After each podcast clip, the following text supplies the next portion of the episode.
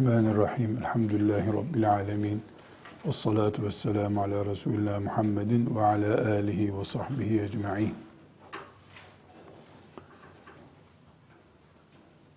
Kadının rahmindeki çocuğu düşürmesi veya dışarı atması şeklinde önemli bir kadın sorunu, aile sorunu, ümmeti Muhammed'in insanlık düzeyinde sorunu diyebileceğimiz bir sorun var. Bu asırda gelişen teknolojiyle beraber kürtaj adı verilen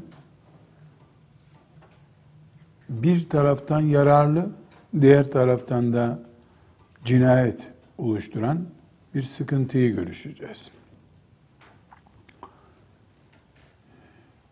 Önce Allahu Teala'nın mümin kulları olarak hayata nasıl baktığımızı, biz kimiz, kim olabiliriz sorusunun cevabını düşünmek gerekiyor. Böyle bir meseleyi anlayabilmek için mümin bir insan iman eder ki bütün mülk Allah'ındır.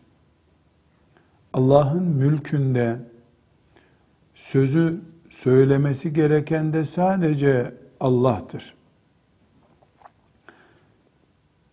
İnsanın bu mülkte Allah'ın mülkünde Allah'a itaat etmekten başka yapacağı hiçbir şey yoktur.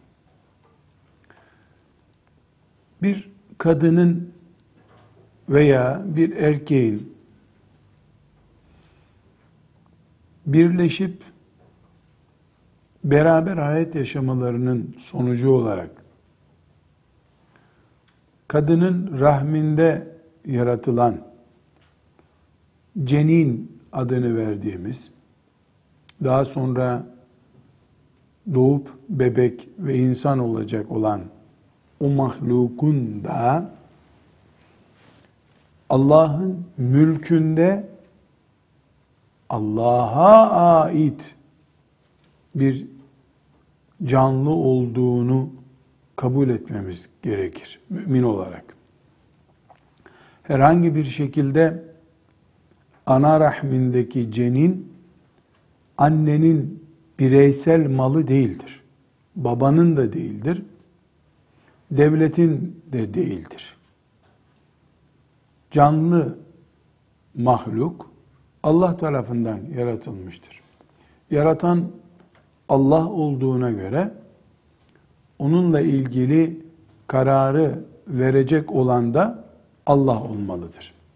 Bu sebeple kadınların rahminde döllenen ve daha sonra çocuk haline gelen canlının rahimden doğmadan önce dışarı atılması hususunda bizim Allah'ın şeriatı ne der, dinimiz bu konuda ne der diye bilgimiz olması gerekiyor. Hanım kızlar burada maalesef geldiğimiz zaman hakkında bir değerlendirme yapmak zorunda kalıyoruz. Şu yaşadığımız asrın önümüze çıkardığı en çirkin görüntülerden bir tanesi insanın insandan hoşlanmıyor oluşudur. Şu zamanda bencillik, egoistlik ve benden başkasına gerek yok diye özetlenebilecek olan şu çirkin hayat anlayışında bir çocuk daha yaratılır, doğarsa bu içeceğimiz sudan içer, benim maşrabamdaki su azalır diye düşünüyor insanlık Bunun için Birleşmiş Milletler oturuyor, toplantı yapıyor. Bunun için ülkeler kanunlar çıkarıyor. Ve nüfus planlaması adını verdikleri toplu bir cinayet işliyor insanlık. Nüfus planlaması dedikleri şey insanlar çok doğurmasınlar. Doğurdukça insan sayısı artıyor. İnsan sayısı arttıkça da ekmeğimiz azalır diye düşünüyorlar. Bu hususta farklı dönemlerde nüfus planlaması hususunda farklı dönemlerde uluslararası toplantılar yapıldı. Toplantıları yer yer siz de sonuçlarını görmüşsünüzdür. Mübalağa ile anlattığım bir şey değil bu. Yani ekmeğimizi yerler ifadesi Birleşmiş Milletler'in ifadesi. Dünya şu andaki nüfusundan daha çok olursa doymayız burada diyorlar. E, aç kalırız. Su içmeye suyumuz kalmaz. Apartmanlara sığmayız. İyisi mi? Doğmasın yeni insanlık. Sen niye doğdun? E ben doğdum başka kimse doğmasın. Bir yandan hanım kızlar humanizmi yani insanı ilahlaştıracak kadar kutsallaştıran teoriyi, humanizm teorisini bir yandan abartıp önümüze koyuyorlar. Humanizm, insan, insan işte hırsız bile olsa, cinayet işlemiş olsa bile dokunamazsın, dövemezsin. Bir yandan böyle bir abartı var. Mevcut insanı e, ilahlaştırmaya çalışıyorlar. Hırsızı bile, gangasteri bile saygın tutmaya çalışıyorlar. Bir yandan böyle, diğer yandan da yeni insan gelmesin ama diyorlar. Şimdi buna nüfus planlaması diye bir isim verdiler. Bu nüfus planlaması güya insanların mevcut yaşayanlarının daha huzurlu, daha rahat, daha bol, müreffeh yaşamalarını sağlamak. Bunun içinde yani asas gaye bu güya, müreffeh bir hayat yaşamak. Ama bunun en büyük engeli, tehlikesi de yeni insan yaratılırsa payımızdan alır. Yani hem insanı ilahlaştırıyorlar, put haline getiriyorlar. Mesela e, Celaleddin Rumi, Mevlana diye alınan Celaleddin Rumi, bütün dünya, e, hatta Birleşmiş Milletler biliyorsunuz belli bir dönem e, insanlığın ortak değeri olarak kabul etti. Bütün dünya bilhassa İngiltere kökenli kültür Celaleddin Rumi'yi e, insanlığın eşsiz bulunmaz harikalarından biri yapıyorlar. Dinine, ibadetine, imanına, tasavvufuna hayranlıklarından değil herhalde. Çünkü Celaleddin Rumi'nin sözlerinde humanizme destek olacak şey buluyorlar. Cihadın gündeme getirilmediğini görüyorlar. Yani insan çok değerli e, ve cihat gibi İslam'ı e, dünyanın tek gücü yapma projesini e, çok gündeme getirmeyen biri olarak İslam'ın içinde sızabilecekleri bir menfez görüyorlar Celaleddin Rumi. Yoksa çok onun zikrine, tarikatına hayran olduklarından değil. De aradıkları başka onların. Yani bir yandan bir yandan humanizm dedikleri insanı putlaştıran anlayış aman insana dokunma, insanı şöyle yapma, insan ay insan çok değerli. İnsan işte hakları, hukuku öbür taraftan yeni insan gelmesini istemiyorlar. Bundan da anlaşılıyor ki insana gösterdikleri saygı, tanıdıkları hak kendi beslenmeleri için bu. Daha fazla yemek yemek için. Daha rahat tur atabilmek için. Bu sebeple e, batı kaynaklı olan, küfür menşeli olan bu e, yeni insan istememe, yeni insan gelmesin, sadece biz yaşayalım felsefesi ne yazık ki e, anlaşılamamış bir olaydır. Çünkü e, yaklaşık bir asırdan beri, hemen hemen bir asırdan beri e, Batı'nın yani bu fikrin kaynağı olan Batı'nın nüfusu zaten artmıyor. Planlamaya gerek kalmadan Allah nesillerini kuruttu elhamdülillah. Yani kurumaya başladılar. E, Avrupa'da bilhassa Avrupa'nın esası olan Almanya, İngiltere'de ve Fransa'daki Avrupa bu üç ülke ekseninde büyük oranda dönüyor. İnsanların genç nüfus özlemi var. Kiralık anneler aranıyor sırf bu yüzden. Sperm bankalarında e, döllenecek e, çocuk olacak spermler donduruluyor, bekletiliyor. Rezil bir hayat. Lut aleyhisselam zamanının kavminin düştüğü bir hayata düştüler. Allah nesillerini kuruttu, beter olsunlar. Ee, buna rağmen nüfus sıkıntısı çektikleri halde, dışarıdan nüfus e, ithal ettikleri halde, milyonlarca insana şu bu şekilde gel ülkemize diye davetiye verdikleri halde, neden nüfus planlaması diye bir planlamayı e, Birleşmiş Milletler yoğun bir şekilde yapıyor. Çünkü Doğu dedikleri bölgenin yani çoğunluğu Müslüman olan diyarın nüfusu artıyor. Onlar iki çocuk sahibi olmayı bile çok görüyorlar. Ee, Müslümanların 5, 6, 7 çocuğu var. Bunu Müslümanların nüfusu çoğalmasın demek istiyorlar aslında. Yani nüfus planlaması derken kendileri planlı. Bu planı bir daha uygulamalarına gerek yok. Müslüman nüfusu kırmaya çalışıyorlar. Müslüman nüfustur onların hedefi.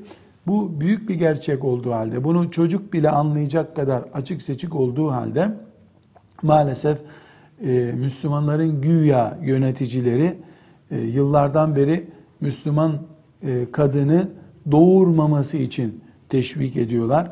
Bunun için ortaya attıkları genel siyaset doğurma, doğurma, doğurma, tesbih gibi doğurma diyorlar kadına. Doğuracak, kazara doğuracak olursan da e, sen de helak olursun, ülkemizde gider, açtan ölürüz, bak sorumlu sen olursun, bari bu çocuğu düşür karnından diyorlar. Kürtaj denen şey bu şekilde ortaya çıktı. E, tıbbın e, çok hızlı bir şekilde teknolojik yardımla ilerlemesi sonucunda da yani dolaptan e, dondurulmuş bir eti alıp e, sofraya koymak kadar kolay bir şekilde alınıp e, anne rahmindeki e, cenin yani yarın çocuk olacak olan e, varlık alınıyor ve çöp kutularına atılıyor hastanelerde. E, bunun afet olduğunu e, defalarca söyleye söyleye alimler, hoca efendiler neticede kürtaj diye bir konuda gündemde kalmadı. Çünkü Müslümanlar da e, bu sinsi insan kıyımı olan nüfus planlamasını benimsediler. Hanım kızlar bu benimsemenin en büyük belgesi nedir biliyor musunuz? Dördüncü veya olmaz da hani diyelim beşinci çocuğunu doğuran bir kadını teselliye gidiyor kadınlar, Müslüman kadınlar. Tesettürlü bir kadın beşinci çocuğunu doğuracak, başka bir tesettürlü kadın Allah sabır versin, geçmiş olsun, ne büyük afet, nasıl karşılaştın bununla, ne oldu, tedbir alamadınız mı? şeklinde bir yığın e, Müslümanın asla söylemeyeceği, kabul edemeyeceği afetle e, karşılaşıyoruz. Bu da gösteriyor ki Müslümanlar arasında da bu gizli insan kıyımı olan e, nüfus planlaması hesapları maalesef tutmuştur. Maalesef tutmuştur. Kendinden başkasına hayat hakkı tanımayan, e, başkasının işte filan yerdeki olaylara, işte filan yerde aç kalan, açık kalan çocuklara yardım gönderirken güya çok merhametli. Allah filan yerdeki çocuklar ne kadar kötü ya açtan ölüyorlarmış. Çocuk merhameti var zannediyorsun. Madem çocuk merhametin var doğur. Sen de çocuk sahibi ol. On çocuğun olsun. E, ümmeti Muhammed çoğalsın. Sen de çocuk zevki yaşa. Yok o doğurmayacak, sıkıntı çekmeyecek. Çünkü dünya cennet onun için. Dünyayı cennet gibi yaşayacak. Cennete de gidince bir daha cennet yaşayacak. Ashab-ı kiram bir kere cennet yaşamış oldular. Dünya onlara zindan gibi oldu. Cenneti cennet olarak yaşadılar. Bu asırda tıp geliştiği için, teknoloji geliştiği için, bizim de paramız olduğu için, bir de Sultan Fatih'in diyarında doğduk, farklıyız biz tabi. Orijinal seçilmiş kullarıyız Allah'ın. Biz hep e, cennet dünyada olacak. Ölünce de kaza ölmeyeceğiz ama diyelim ki mecburen öldük, sıramız geldi, öldük. E otomatik cennete gideceğiz zaten. Hayatını bu şekilde planlayan insanların e, takdir ettiği e, tarz nüfus planlamalı tarzdır. Biz bunu Allah'ın kudretine karşı meydan okuma olarak görüyoruz. E, bir yandan da hoşumuza gidiyor, kafirlerin nesli kırılıyor elhamdülillah. Köpek, da, e, yılan, akrep ne bulursa yiyen Çinliler büyük bir nüfus planlaması yapıyorlar. Maazallah onlar da bir planlama yapmasalar da şimdi bir milyarlar seneye iki milyar olsalar ne ederdik? Bereket Allah onları kendi eliyle kırdırıyor. Yuhribune buyutehum bi eydihim ve eydil müminine inşallah. Kendi elleriyle kendilerini kazıyorlar elhamdülillah. Ama bu hastalık müminlere bulaşmamalıydı. Kafirlerin kendilerine reva gördükleri bu iç zulüm, insan katliamını müminler e, kabul etmemeli idiler. Ama her halükarda elhamdülillah Allah korkusuyla yaşamayı şiar edinmiş yeni nesil de geliyor. Bu yeni nesil biiznillahü teala bu cahilce hastalığı yıkacak.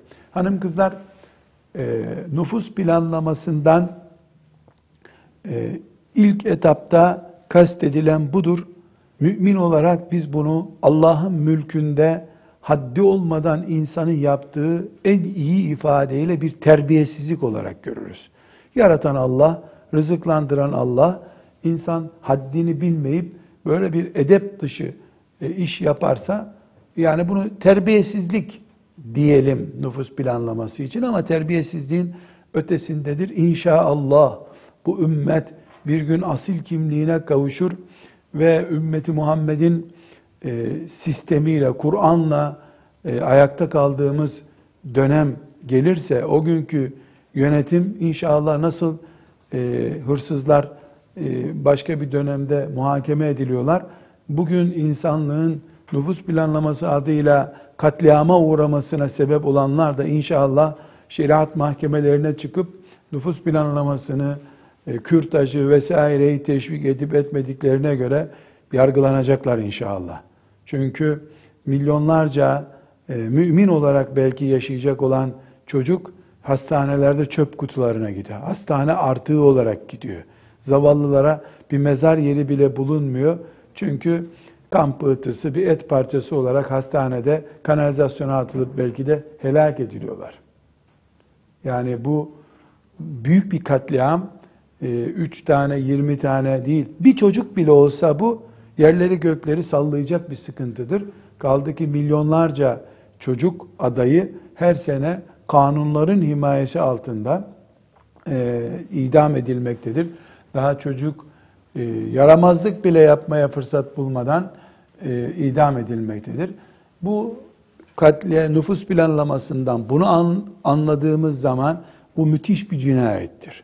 Bu cinayeti asla kabul etmeyeceğimiz gibi bizim e, yönetimimiz olarak yani bizden e, destek bulup e, Müslümanların yönetimine talip olanların da böyle bir katliam hakkında ne düşündüklerini e, öğrenip o şekilde onları sevip sevmemek gibi tercih belirtmemiz gereken hususlardan biri de bu nüfus planlamasıdır. Yalnız küçük bir parantez gibi bunu bir kenara not edin. Nüfus planlaması aile içi bir planlama da olabilir. Yani inşallah ileride evlendiğinizde e, karşınıza çıkacak bir e, alternatif düşüncedir bu. Buradaki nüfus planlaması çocuk yaratılmasını engelleme değil de mesela çocuğumuz e, bir aylık yeni doğdu. Kadının hamile kalmasını bir sene erteleyelim. Bir sene ertelemeden sonra yani bu çocuğu rahat büyütelim ki öbür çocuğumuz gelsin. İki çocuğu kaldıracak e, sağlık imkanımız yok gibi bir sebeple e, aile içi bir planlama yapılabilir.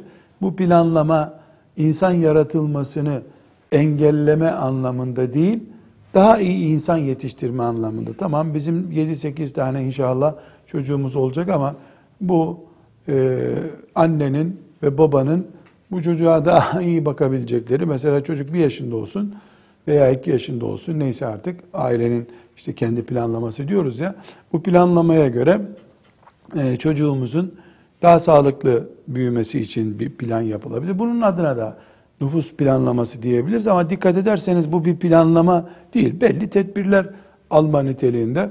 Bunun için aynı şey, aynı haram geçerli değil. Ama bütün bunlar çocuk ana rahmine düşmeden önceki planlamalardır.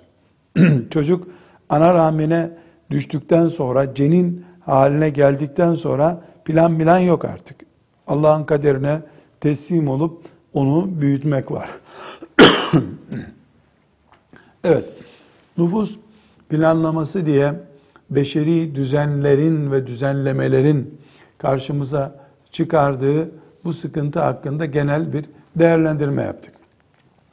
Hanım kızlar, e, erkek spermi ile kadının spermi e, rahimde birleştikten sonra erkeğin suyuyla kadının suyu diyelim birleştikten sonra e, bu birleşmeden e, meydana gelen şeye cenin diyoruz. Cenin. Cenin Türkçe'de de tıpta da kullanılan bir deyimdir. Yani 9 ay sonra bebek olacak olan bileşim demek. Bu ceninle ilgili yani biz kürtajın hükümlerini öğrenmeden önce bu boyutu bilmemiz lazım. Ceninle ilgili üç süreç vardır. Birincisi hala e, bu cenin dediğimiz e, erkeğin sıvısıyla kadının sıvısının birleşik hali yaklaşık e, bu hal nutfe Kur'an-ı Kerim'in nutfe dediği 40 gün sürer ana rahminde. Bu ana rahmindeki 40 gün biraz sonra fıkıh ayrıntılarını konuşurken çok e, karşımıza çıkacak. Bu 40 gün önemli. Yani erkekle kadının birleştiği, sularının buluştuğu andan itibaren 40 günkü döneme nutfe dönemi, sıvı dönem diyelim buna biz Türkçe. Nutfe, Kur'an ifadesi. Ondan sonraki dönem alaka, kan pıhtısı olacak şey. Yani e, donmuş bir kan gibi ya da daha çok ciğer parçasına benzer. Ciğerde kan gibi görünüyor ya, ciğer gördüyseniz kasapta ciğerimsi ama daha kan ağırlıklı. O dönemi de e, yani alaka dönemi 40 gün sürüyor. 40 gün sıvı, 40 gün e, bu dönem. E, ondan sonraki 40 günde mudga dediğimiz mudga, e, Kur'an-ı Kerim'den alıntılar bunlar. 40 rakamları e, Kur'an-ı Kerim'den değil, hadis-i şeriflerden. Ama e, bu e, nutfe, alaka ve mudga e, ifadeleri Kur'an-ı Kerim'in ifadeleridir. Sıvı dönemi 40 gün, pıhtılaşma dönemi 40 gün, ondan sonra et parçasına dönüşmesi de 40 gün oluyor. Toplam 40 artı 40 80 artı 40 120 yapar. E, 120. gününde sümme e, bu 40 günden sonra et ve kemikleşme başlıyor. Et ve kemikleşme yani anne rahmine çocuğun düştüğü babanın sıvısıyla annesinin sıvısının birleşiminden 120. gününden itibaren kemik ve etler oluşmaya başlıyor. Ee, bu dönemde 120. günde hadisi şeriften öğreniyoruz ki bir melek gelip ruh üflüyor çocuğa. Dolayısıyla 120. günden itibaren e, ana rahmindeki çocuk e, yani bu kaç eder? Dört ay eder. E, dört aylık e, dönemde yani dördüncü ayı dolduğunda çocuğa ruh üflenir. E, bu ruhla beraber 120. günde çocuk 80 e, yaşındaki insan hükmüne gelmiş olur. 100 yaşındaki insan olur artık. Çünkü e, insanı insan yapan şey ruhudur. Yani herhangi birimiz ben veya siz mesela veyahut da sokaktaki bir insan ruh taşıdığı için Allah'ın emirlerine, yasaklarına, insani ilişkilere muhataptır. Ruhu çıktıktan sonra bir mezara konuyor. Birkaç ay sonra kemiklerinden toz bile kalmıyor. Eriyip gidiyor. Ruh insanı mükerrem hale getiriyor. Ruhsuz insan et ve kemik yığınıdır. Şimdi insan yüz, yani anne rahmindeki 120. gününden sonra ta doğumun gerçekleşeceği 9 ay 10 günlük zamana kadar canlı ama koltukta oturmuyor da anasının rahminde oturuyor. Öyle bir insandır.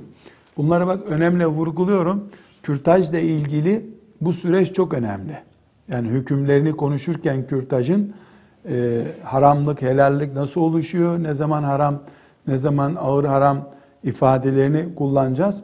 E, bu esnada şu 40 artı 40 artı 40 120 kırmızı çizgi çiziliyor e, ve insana orada ruh üflüyor bir melek.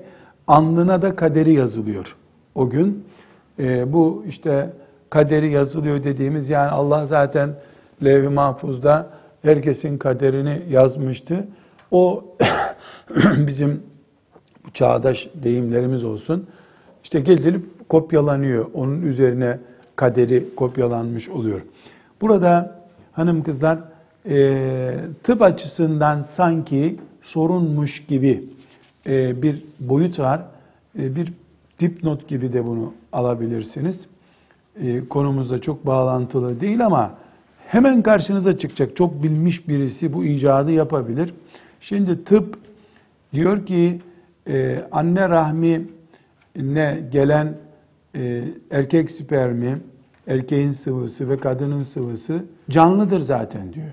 Bunlar hücredir, şöyledir diyor. Sonra birleş yani o birleşme gününden itibaren işte bir e, Mart'ta birleşme olduysa 2 Mart'ta anne rahminde canlı birisi vardır diyorlar. Ee, erkek e, veya kadından gelen suların birleşmesi kısa sürede bir canlı oluşturur diyorlar.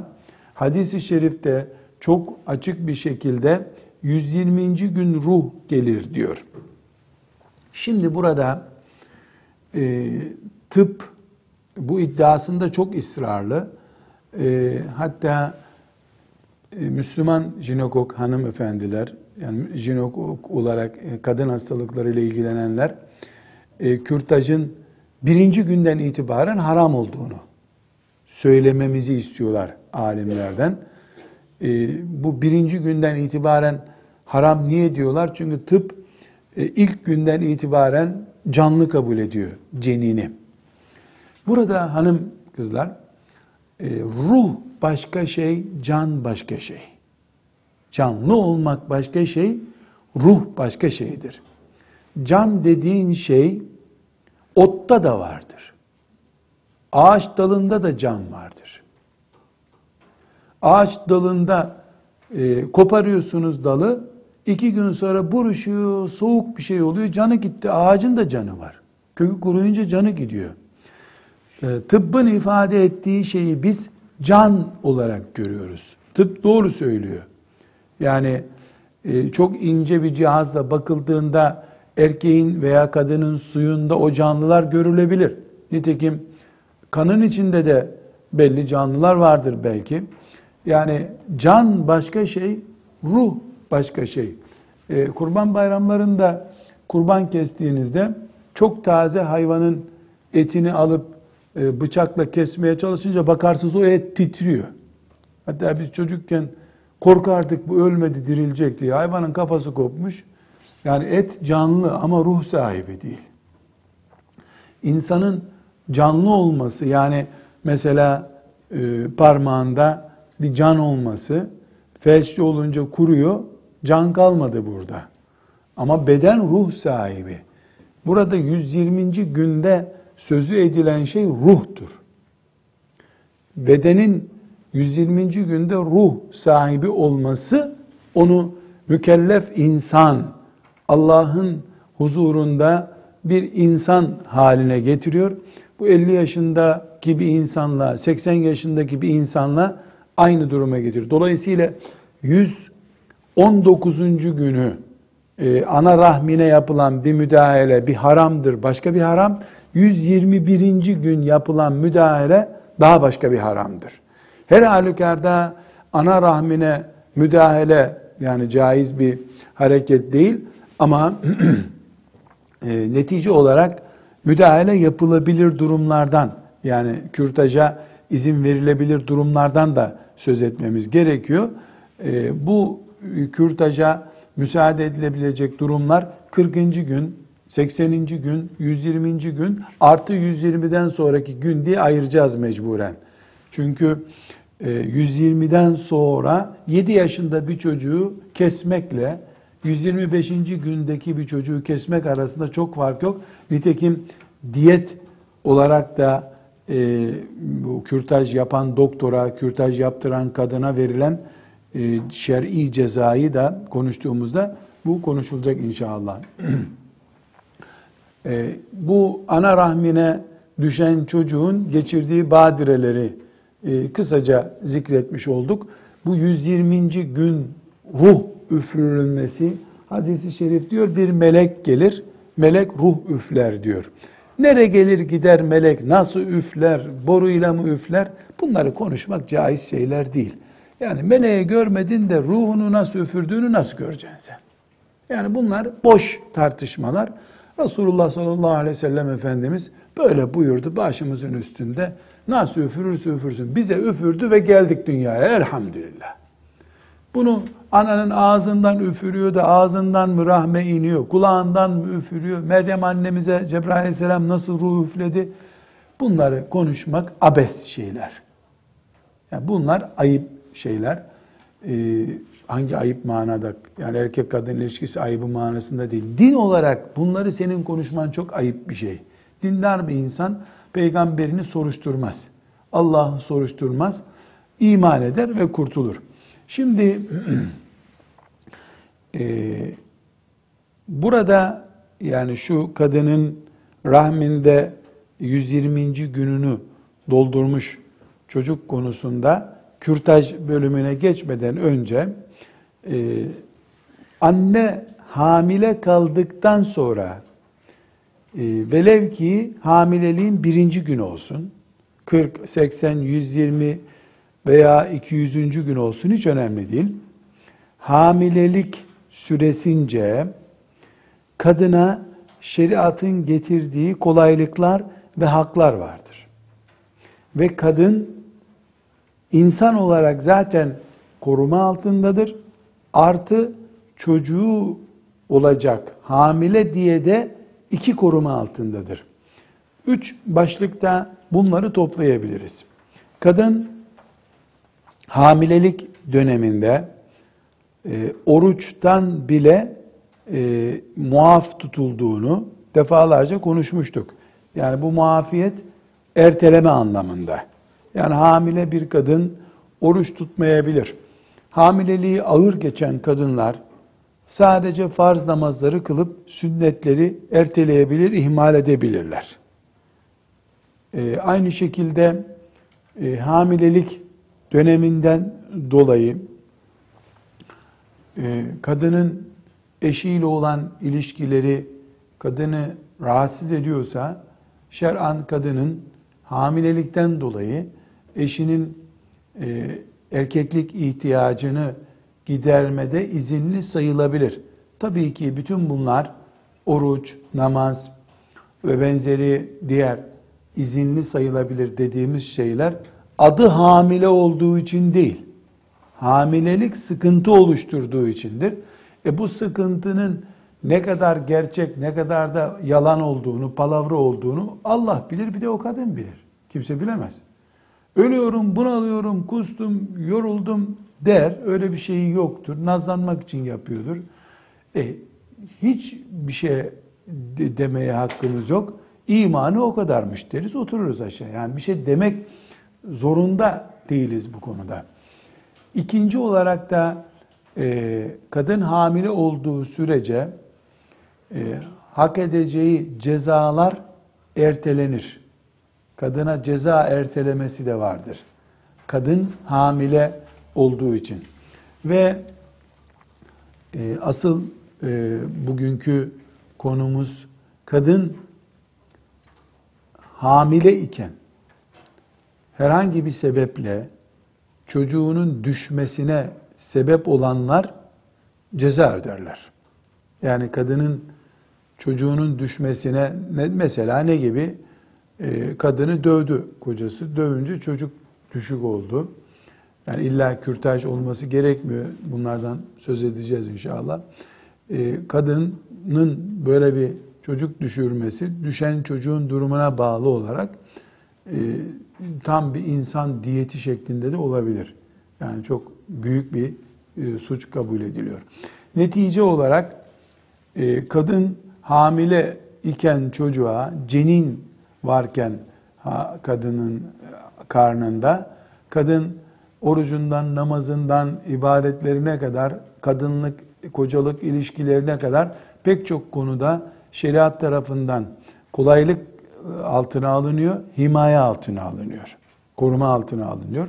Mesela kadına kırbaç cezası verilecek bir suç işlemiş olsa e, bu cezası hamile olunca erteleniyor. Hamilelik sonrasına erteleniyor.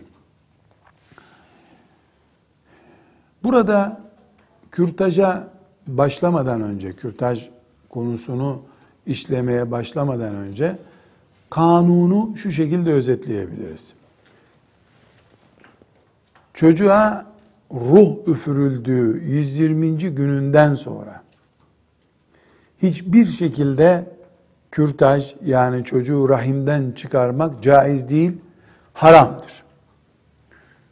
Bu haramın tek özrü anne hayatının tehlikeye girmesidir. Anne hayatı sebepleri üzerinde duracağız. Belli sebeplerle tehlikeye girer. Bu da birden fazla bir doktor tarafından onaylanırsa, bu cümleme dikkat edelim, birden fazla bir doktor bunu onaylaması lazım. Çünkü tıp ve doktor iştihat ürünüdür. Yani doktor mesela bir e, kalp krizi sıkıntısını e, iştihad ederek bu kadının hamilelik e, süreci e, kalp krizini ateşlemektedir. Hamile kaldığı sürece bu kadın kalp krizi geçirecek. Hamileyken de bu krizi kaldıramaz diyebilir. Bu yüzde yüz doğru da olabilir.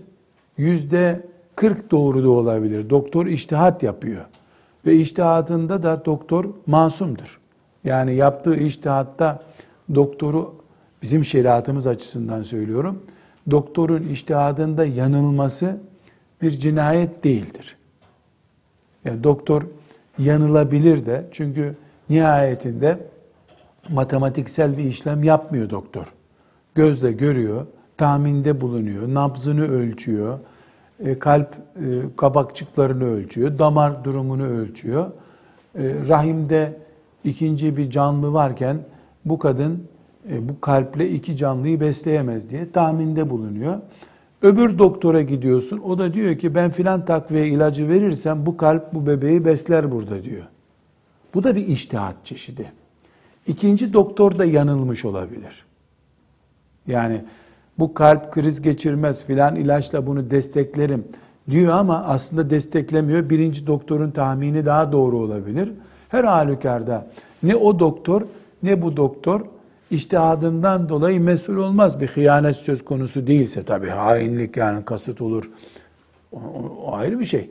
Ama her halükarda temiz düşünceleriyle bir doktor yanılmasından dolayı mesul değildir. Bu sebeple birden fazla doktorun kanaati anne hayatı açısından, anne organları açısından yani anne bu doğumu yapar ama kesinlikle felçli hale gelecek, felçli kalacak diyorsa 120. E, gününde de doğuma iki gün kala da kürtaj caizdir. Çünkü şeriatımız şöyle bir ölçü koymaktadır. Anne hayatta yaşıyor. Çocuk doğacak ve yaşayacak. Biri yaşıyor, biri yaşayacak. Biz çocuğu canlı kabul ediyoruz ama yaşayacak diyoruz. Doğmak nasip olursa buna, ölmezse yaşayacak. Halbuki e, bu sözünü ettiğimiz e, anne yaşıyor şu anda. Biri kesin, biri muhtemel. E, muhtemel yaşayacak dediğimiz ileride yaşasın diye şu anda yaşayan birisini tehlikeye atamıyoruz. Bu sebeple anneyi kurtarıp çocuğu feda edebiliriz. Şeriat açısından kural böyle. Yaşayanı kurtarmak önceliklidir. Muhtemel ileride yaşayacak olan için canlıyı feda etmiyoruz. Ee, bu ikisini de kurtarmak mümkünse zaten e, tercihimiz belli bir şey. Ama ikisini de kurtaramıyoruz. Tıbbın gücü, o andaki pozisyonumuz, mesela e, bunu küçük bir şehirde gerçekleşti bu olay. Filan büyük şehire götürsek oradaki hastanede hem çocuk hem annenin kurtulma ihtimali olan bir operasyon yapılabilir. Fakat biz bunu o şehire götürene kadar anne gidecek. Olmaz. Anneyi kurtaracağız. Anne öncelikli. Çünkü anne şu anda yaşıyor. Göz göre göre ölecek. Öbürü sağlam doğacak. Yaşayıp yaşamayacağı, sağlam doğup da sağlam yaşayıp yaşamayacağı belli değil. Meçhul bir şeyi alıp bilinen gözümüzün önündeki bir canlıyı feda etmeyiz. Bu fıkıh kuralıdır. Genel olarak kural böyledir. Annenin hayatı için de böyle, bir organı için de böyle. Mesela e, anne e, bu çocuğa böyle bir şey var mı bilmiyorum yani tıbbın işine karışmamız da doğru değil bizim ama misal olsun anlaşılsın diye söylüyorum. Bu doğumu yaparsa kör olacak anne. Yani hamileliğin mesela 7. ayında anne kör olması gerekiyor. E, bu da ciddi bir doktor raporuyla yani böyle bir şey var mı bilmiyorum. Doğum kör ediyor mu insanı bilmiyorum da çok iyi anlaşılsın diye örnek verdim. Anneyi bundan sonra kör olarak mı anne olarak bakalım Çocuk ana rahminde mi kalsın? Ana rahminde kalmasın çocuk. Çünkü burada yüzde yüz bir tehlike söz konusu. Ama e, koca karılar diyor ki işte e, salı günü çocuk anne rahminde ters dönerse öbür gün annesi kör olur. Böyle koca karı köylü laflarıyla değil bunlar. Yani ciddi tıp raporu, tıbbın elinde belli deneyler var. Çünkü tıp dediğin şey milyonlarca denek üzerinde yapılmış görülmüş şeyler tecrübelerin sonucuna tıp deniyor. Koca karı dedikodularıyla amel etmek haramdır. Öyle bir şey olamaz. O caiz değil. Netice olarak e, kürtaj yüzde yüz haramdır. 120. günden sonra. 120 günden önce de helal değil. 120 günden önce helal değil. Ona değineceğiz. Yani 120 günden sonra tek alternatif annenin ölümüdür. Anne ölümüne karşı kürtaja izin verilebilir. Bu ölümde birden fazla branş doktorunun, uzman doktorun kararıyla olur. Pratisyen bir doktorun kararı ile e, kürtaj veya herhangi bir müdahale olamaz. Anne konusunda, bebek konusunda veyahut da mesela e, uzman bir kardiyolog da bu hamilelik bu kalbe zarar veriyor demesi de uzmanlık alanı. Yani e, sorunu nerede gösteriyorsun? Ciğerde gösteriyorsun. E, ciğer hangi e, branşın e, dalına giriyor? Göğüs hastalıklarına giriyor. Heh, göğüs hastalıkları uzmanı bu çocuk bu ciğere zarar veriyor diyecek. Ortopedi uzmanı bu çocuk alınsın derse e, öyle bir şey olmaz. E, bu şartları ayrıntısıyla konuşacağız. Mesela çok basit bir örnek vereyim. Kadın hamilelikten dolayı yürüyemiyor. Dizleri tutmuyor. Böyle bir hastalık var mı da bilmiyorum. Yani varsayım olarak söylüyorum.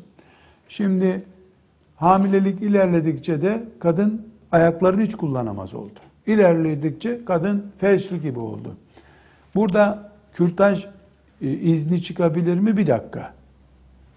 Gideriz ortopediye sorarız. Bu çocuk doğduktan sonra bu ayaklar sağlam hale gelecek mi? Evet sağlam hale gelecek. Filan sebepten dolayı ayak damarlarını engelliyor bu çocuk. Sakat kalma ihtimali var mı annenin? Yok. Çok büyük ihtimalle yok. Yani doğumdan 3 gün sonra anne ayağa kalkar. Müdahale yok o zaman. Bu doğum sancısı gibi bir şey bu. Kadın 6 ay, 7 ay, 8 ay sabredecek. Ama doktor diyorsa ki bu doğum yapıldıktan sonra kadın değnekle dolaşacak artık.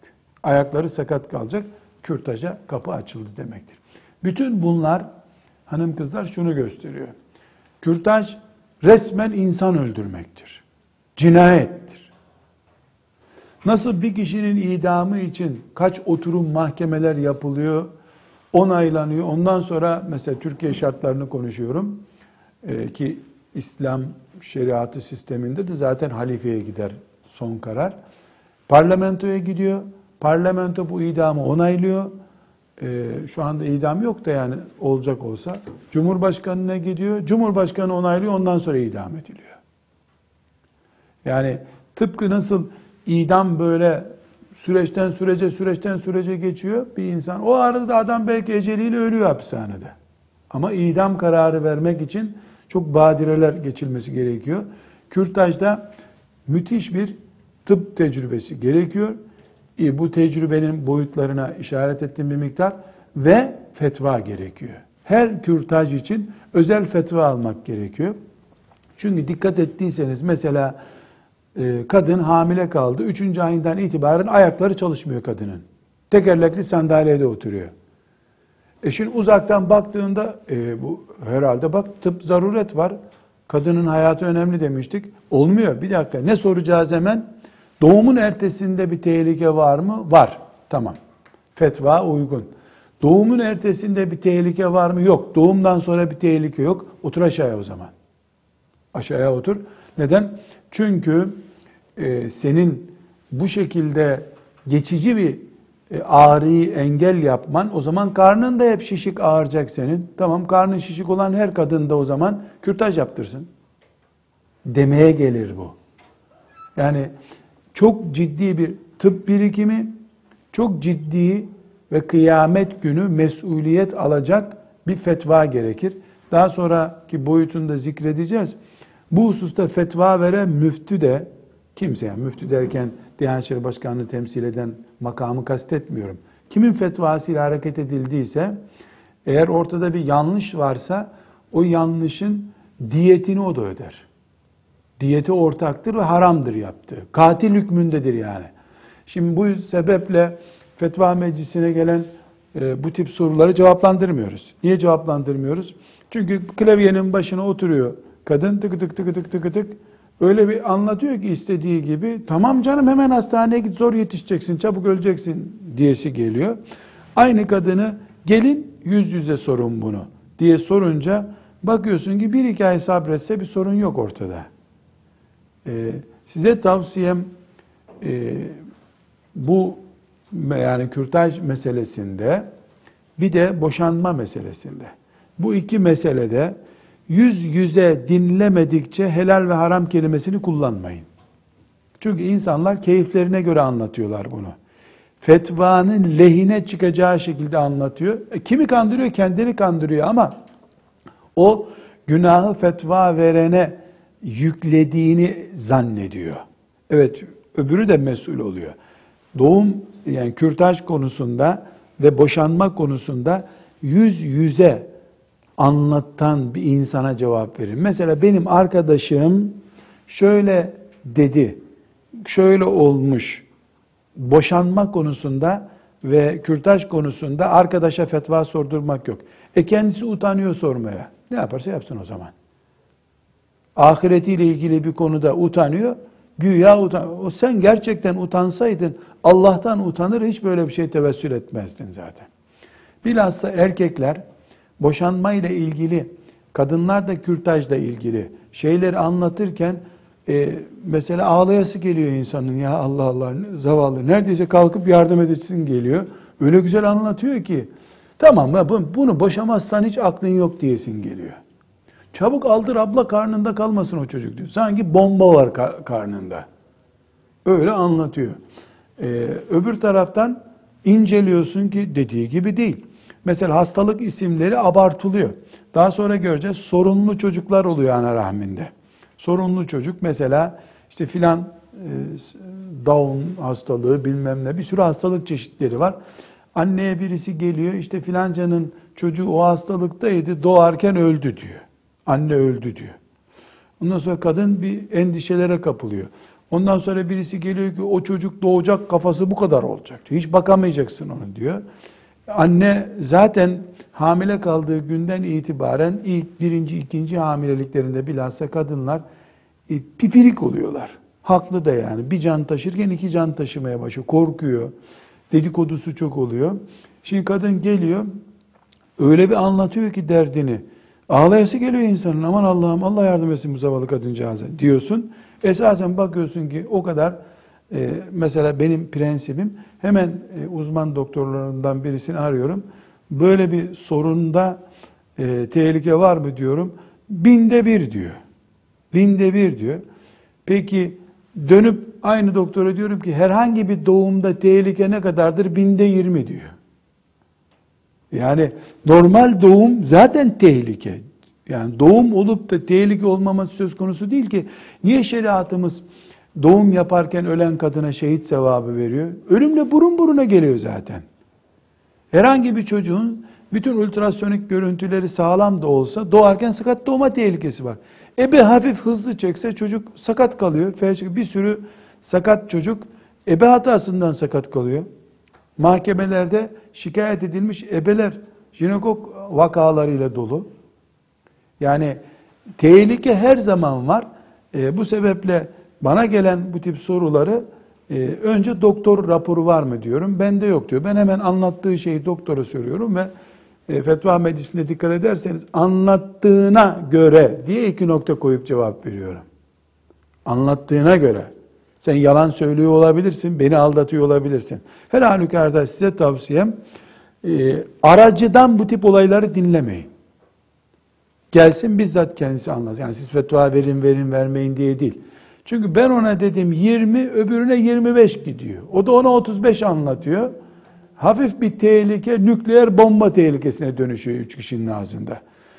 Bir ikincisi kesinlikle kürtajla ilgili, hani ana rahmine müdahale ile ilgili ve boşanma ile ilgili konularda 2, 3, 4 kere dinleyin vakayı. Ne demiştin sen diye bir daha anlatın. Bir gün sonra bir daha sorun. Çok ölümcül, acil bir vaka değilse bunu üç gün sonra bir daha görüşelim deyin. Göreceksiniz. Üç gün önce anlattığı hastalığın adı değişiyor bu sefer. Bilhassa boşanma vakalarında üç gün sonra yeni bir dosya daha çıkarıyor. Şunu da yapmıştı diyor. Ya da öyleydi ama sonra bunu düzeltmişti diyor. Bu sebeple e, bu iki risk taşıyan, dönüşü olmayan şey, kürtaj yapıldı mı dönüşü yok, boşanmanın dönüşü yok. Bu iki şeyde çok ciddi bir şekilde düşünüp, aracı kabul etmeden, bizzat kendisinden dinleyerek ve üstüne not düşerek, senin anlattığının cevabı budur. Ve size asıl baba tavsiyem, kimsenin kürtajına ve boşanmasına karışmayın. Gitsinler resmi makamlardan öğrensinler. Bizzat şahit oldum ben. Bir müftü arkadaşımla oturuyordum. Müftü Bey de abdeste çıkmıştı. E, sekreteri müftünün dedi ki, hocam dedi hazır müftü bey yokken siz cevap verin. Adam bana anlattı. Tamam aklımdan geçti ki bunu boşamak değil kadını öldürmek lazım. Yani boşamak yetmez bu kadını. Dedim ki burada ben misafirim müftü bey gelecek. Biraz bekle dedim. Müftü beye dedim asas anlat. Ayıp olur benim burada konuşmam dedim. Hanım kızlar müftü bey geldi oturdu. Ben de cep telefonu görüşmesi yapıyordum. Buyurun dedi müftü.